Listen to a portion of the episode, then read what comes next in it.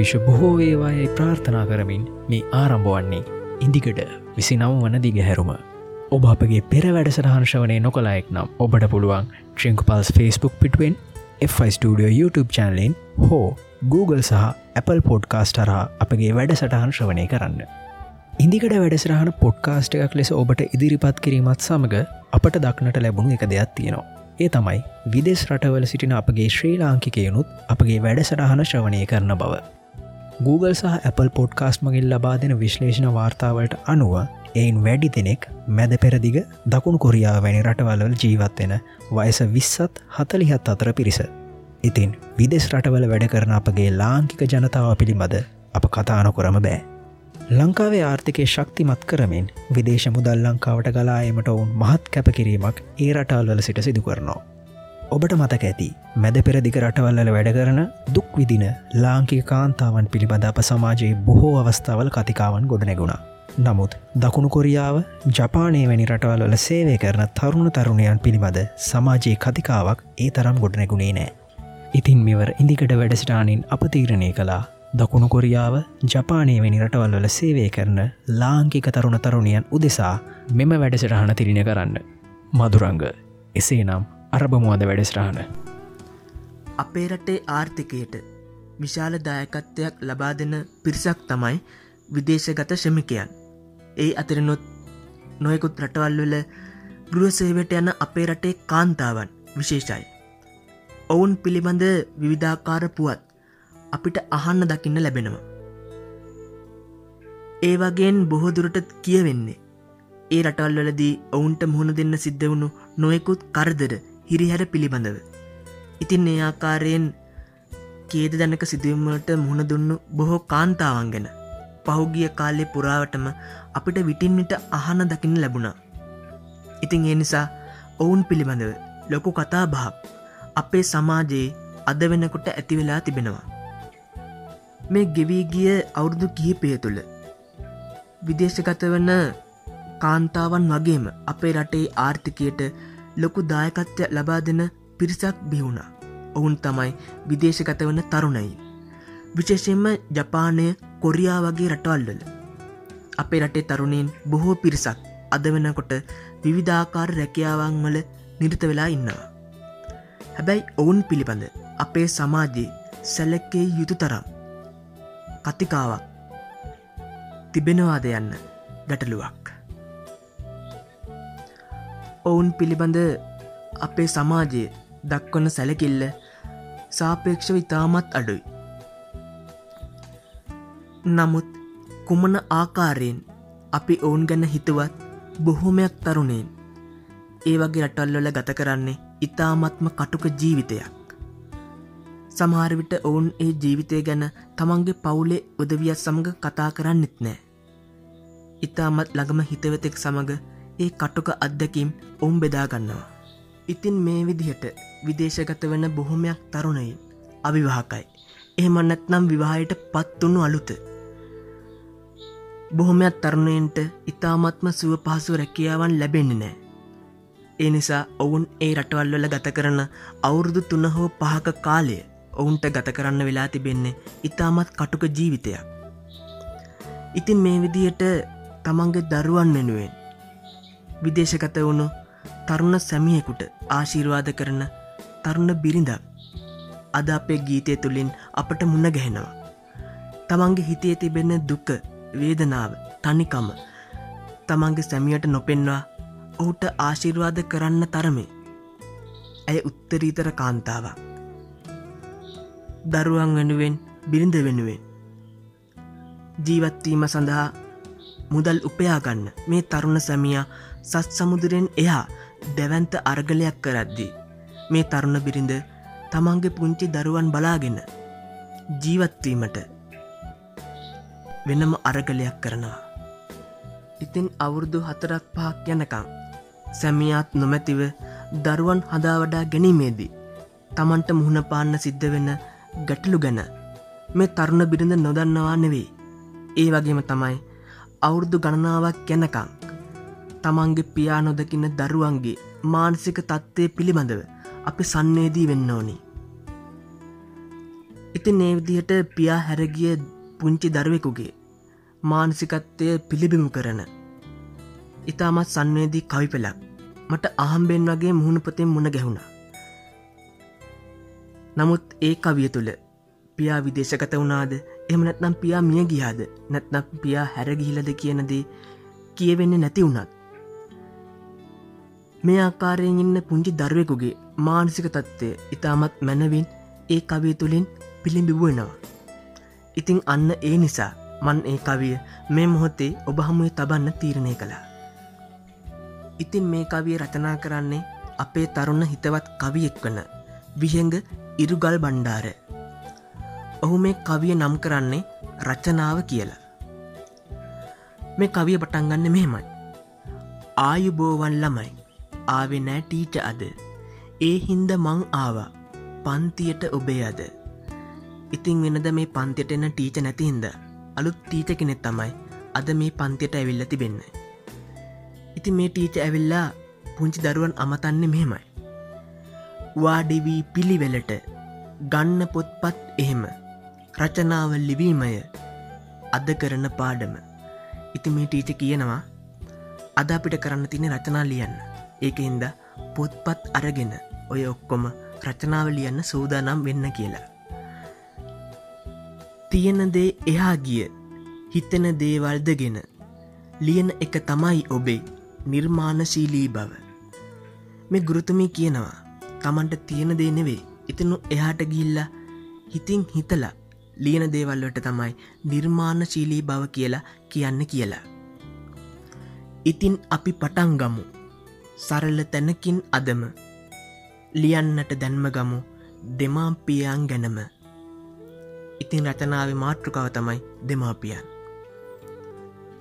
ලියාගෙන ලියාගෙන යන පැටව් ටික අතර මැද හරියේ උන් කොළුව දුන්න මට පොත හනික. මේ රචනාව පොඩි එවුන් ලියද්දී ගුරුතුමි ඔවුන් අතරට ගිහින් බලනවා රචනාව ලියන හැටි එහෙම යද්දී පන්තියේ මැද හරිය හිටපු පුංචි කොළුවේ තමන් ලියපු රචනාව මේ ගුරුතුමීට දෙනවා ඉතින් ඒ පොතේ පිටුව පුරාම රචනාවක් ලියල තිබුණා. වටකුරුම බෝලගෙඩි හැඩැති අකොරුත් මැදට පේලිවන් කරලියලා පුරවලා පිටු යසට. ඉතිං අර ලොකු බෝලගෙඩි අකුරුවලින් ඒ රචනාව පිරිලයි තිබුණේ. මොනවදේ රචනාව තිබුණේ? අම්ම එක පේලියක ලියා ඇත ඒ මුලින. ඉතුරු හැම තැනපියා ඇයි පුතේ ඇයි එහෙම? ගුරුතුමී දකිනා මේ රචනාවේ. මුලින් පටන්ගන්න පේලියේ අම්ම කියල තියෙනවා. ඉතින් පිටුව පුරා ඉතුරු හැම පේලියම තිබුණේ තාත්ත කියල විතරයි. මේ ගුරුතුමී අර පුංචි කොල්ලොකින් අහනවා. ඇයි පුතිහෙම ලිව්ව කියලා? මේ පුංචි පුතා මෙන්න මෙහෙමයි උත්තර දෙන්නේ. තියෙන දේ මම ලිව්වා එකම එක පේලියක්. ඉතුරු ඔක්කොම මගේ. නිර්මාණශීලී බව. ඉතින් මේ විදිහට තමන්ගේ පියා නොදක ඉන්න දරුවනුත් බලාගෙන විදේශගත වෙලා ඉන්න තමන්ගේ ආදරණය සැමියන්ගේ චිත්තදරය වැඩි කරන්න ඇය සැමවිටම උත්සා ගන්නවා. ඉතින් මේ තරුණ සැමියා විදේශගත වෙන මොහොතෙදී තමන් හිතේ තින දුක හඟගෙන ඔහුගේ චිත්තදරය වැඩ කරන්න ඇය ඔහුට සුභ පතනවා. දඩු මොනරෙ පිටින් ගිහින් එන්න පෙම්බරසාමි දරු පැටව් බලා ඉන්නම් ඔබ නමින්ම පේවී.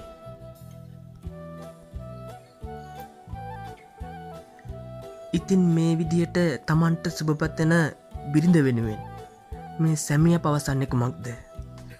පුන් සඳ කොපුල්ලත කඳුළු බින්දු වියලීයාවී අපේ හඬ අරගෙන ඈත අඩන සක්වා ලිහිණි. සක්වා ලිහිණියන් ගැන අප මීට පෙර කතා කළා. ඔවුන්ට දහවල් කාලයේ ආදරයෙන් එකතු වෙලා ඉඳලා රාත්‍රී කාලයේදී වෙන්වෙන්න සිද්ධ වෙනවා. ඉතින් ඔවුන් රාත්‍රී කාලයේ පුරාවටමින්නේ හඬමින්. මේ අඹු සැමි යුවලත් තමන්ගේ හිතේ තිබෙන වේදනාව සක්වා ලිහිණියන්ට භාර කරලා නිහඬව ඉන්නවා. පතිභක්තිය පිළිබඳ එතෙත් මෙතෙක් ලියවී තිබෙන උත්තරීතරම ලියවිල්ල සඳකිඳුරු ජාතකය. ඉතින් තමන්ගේ ආදරණීය බිරිඳ එක්ක සංසාරි පුරාවටම ආපු ඒ සෙනෙහසේ නාමයෙන් හදවතේ උපදින උත්තරීතර හැඟීමේ ඔවුත් පවසනවා සඳකිඳුරු ජාතකයේ මම ගිය ගමන් තැපැල් කරල එවන්නම් කියලා. ඇත්තටම එවැනි යෙදුමක් ගී පත රචකයා විසින් යොදාගෙන තිබෙන්නේ මේ තරුණ සැමියා විසින් තමගේ ආදරණය බිරිඳට දක්වන කෘතගුණයක් පිළිබිමු කිරීමට වෙන්න පුළුවන්. ගිය ගමන් තැපැල් කරමි සඳ කිඳුරු ජාතකේ නාඩන්න දේවියේ ගීපද රචකයා පවසන්නේ එලෙසයි. මේ තරුණ සැමියා විදේශගත වීමෙන් සිදු කරන්නෙත් එක්තරා විදික අභිනික්මනයක්. එදා සිද්ධාර්ථ කුමාරය නිරංජනා ගණුගාවෙන් එතර වුණේ අධ්‍යාත්මික විමුක්තිය උදෙසා. ඉතින් මේ තරුණ සැමියත් අද සමුන්දුර තරණය කරලා ඉතර වෙන්නේ. ආර්ථික විමුක්තිය උදෙසා ඒ තමන්ගේ බිරිඳ සහ දරුවන් වෙනුවෙන්. එදා කන්තක අශ්‍රයා පිට නැගිලා සිද්ධාර්ථ කුමාරය නිරංජනාව තරණය කරද්දි. අද මේ තරුණ සැමියා ගුවන්යානයක නැගිල සත් සමුදුර තරණය කරනවා. එදා ඒ වෙලා වෙදි තිරිසන් සතෙක්වුණු කන්තකශ්‍රය ලය පැලි මිය ගිය. නමුත් ආසියන්තරයට හදවතක් නෑ. අර වගේ ලය පැලෙන්නේ නෑ. ලය උනුවෙන්නේ නෑ. වර්තමානයේ මානව හදවත් පවා අසන්වේදී වී ඇති ආකාරයේ පදරචකයා ඉතා අපූරුවට මේ ගීතය තුළ ඉස්මතු කර තිබෙනවා. යකඩින් ලය සදා තිබුණු අහස් යන්තරේ කන්තක අසුමෙන් ලය පැලෙන්නේ නෑ හිමි සඳුනේ මම නාඩා ඉන්නේ. මේ වෙන්නීමේ දුක ඔවුන්ම විඳගන්න ඕන ඔවුන් ගැන කඳුලක් ඔවුන්ව හෙළනු විනා සමාජයේ කිසි කෙනෙක් ඔවුන් පිළිබඳ කඳුලක් හෙලන්න නැති බව ඔවුන් දන්නවා. ඒ නිසා මේ බිරිඳ කඳුළු හංගනවා. මොකද ඒ කඳුළු හැලීමෙන් පලක් නෝන බව ඇය හොඳින්ම දන්න හින්ද. ප්‍රේමය හුදු මනෝලෝකයකින වලාකුළු මත හැමදාම පාවෙවී තිබෙන්නේ නෑ. ඒ අනිවාර්යෙන්ම දවසක පොළොවෙ පය ගැසිය යුතුමයි අන්න එදාට සුන්දරත්වය සහ අසුන්දරත්වය සමසිතින් උපේක්ෂාවෙන් විඳගන්න සිද්ධ වෙනවමයි. එහෙම නැත්නම් අසුන්දර දේවල් සුන්දරත්වයට පත්කර ගත යුතුමයි. අපේ ගීපද රචක අමිල තේනුවර මේ කතා කළේ අසුන්දර කතාව හැබැයි අසුන්දර කතාව සුන්දරත්වය කරාගෙන එන්න ඕ සමත්වෙලා තිබෙනවා. එක් අතකින් තමන්ගේ වයසට වඩා මුහුකුරාගිය පරිණත බවක් ඔහු මේ ගීපද රචනය තුරින් පිළිබිඹු කර තිබෙනවා. ලූෂන් බුලස් සිංහලයන් ඒවගේම රත්නශ්‍රී විජයසිංහයන් වැනි ප්‍රවීණයන්ගේ. නිර්මාණ ආභාෂය ලබාගෙන ඇති බව අමිල තේනුවර හොඳින්ම මේ ගීත රචනය තුරින් පෙන්නුම් කර තිබෙනවා. නමුත් අද පවතින විද්දුත් මාධ්‍ය නාලිකාවල මේ ගීතය කිසිම දිනයක මා අසා නෑ. ඒ නිසා විදේශගත වී ඉන්න අපේ තරුණ පරම්පරා වෙනුවෙන් ඔවුන් විදන කටුක ජීවිතය ගැනත් ඔවුන්ට යම් කිසි ආකාරයක මානසික සහනයක් ලබා දෙන්නත් අද අපේ වට ස්ථාන තුළින් යුතුකමක් ඉදිහට මේ ඉතාමත් දුර්ලභගනය ගීතය ඔබ හමුවේ තබන්න තීරණය කළා.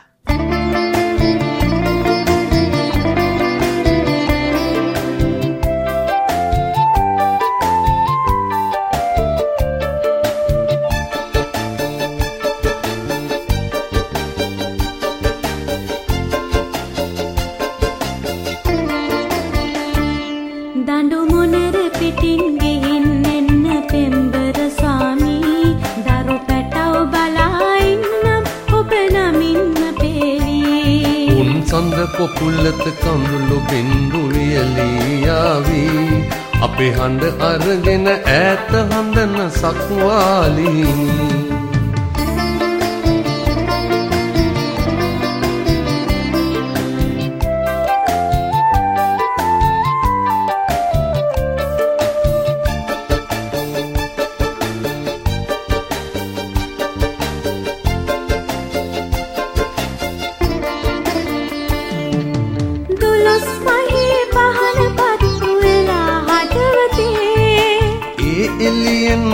පේනව අපේ ආදරේ. ගිය ගමන් තැපැල් කරමි සඳකිඳුරු ජාතකේ. නොහඳන්න දේවී නොහඳන්න දේවී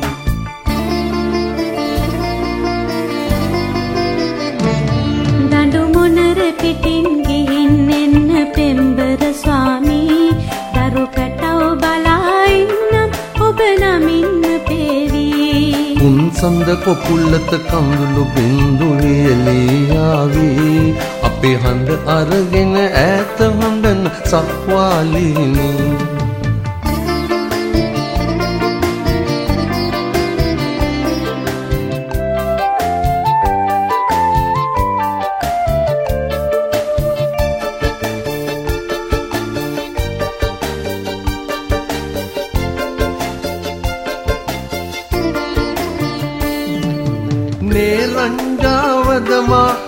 එතරව ආවේ. යකඩින් ලය සදා තිබුණු අහස් යන්තරේ. කන්ටක අසුමින් ලය පැලෙන්නේ නැහිමි සඳුනේ මම නාඩා ඉන්නේ මම නාඩා ඉන්නේ.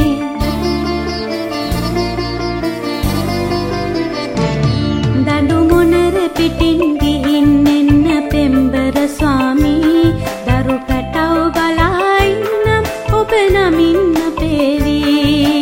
සඳ කොපුල්ලත කඳුළු බින්දු වියලියාවී. අපේ හඬ අරගෙන ඈත හඬන සක්වාලිනී.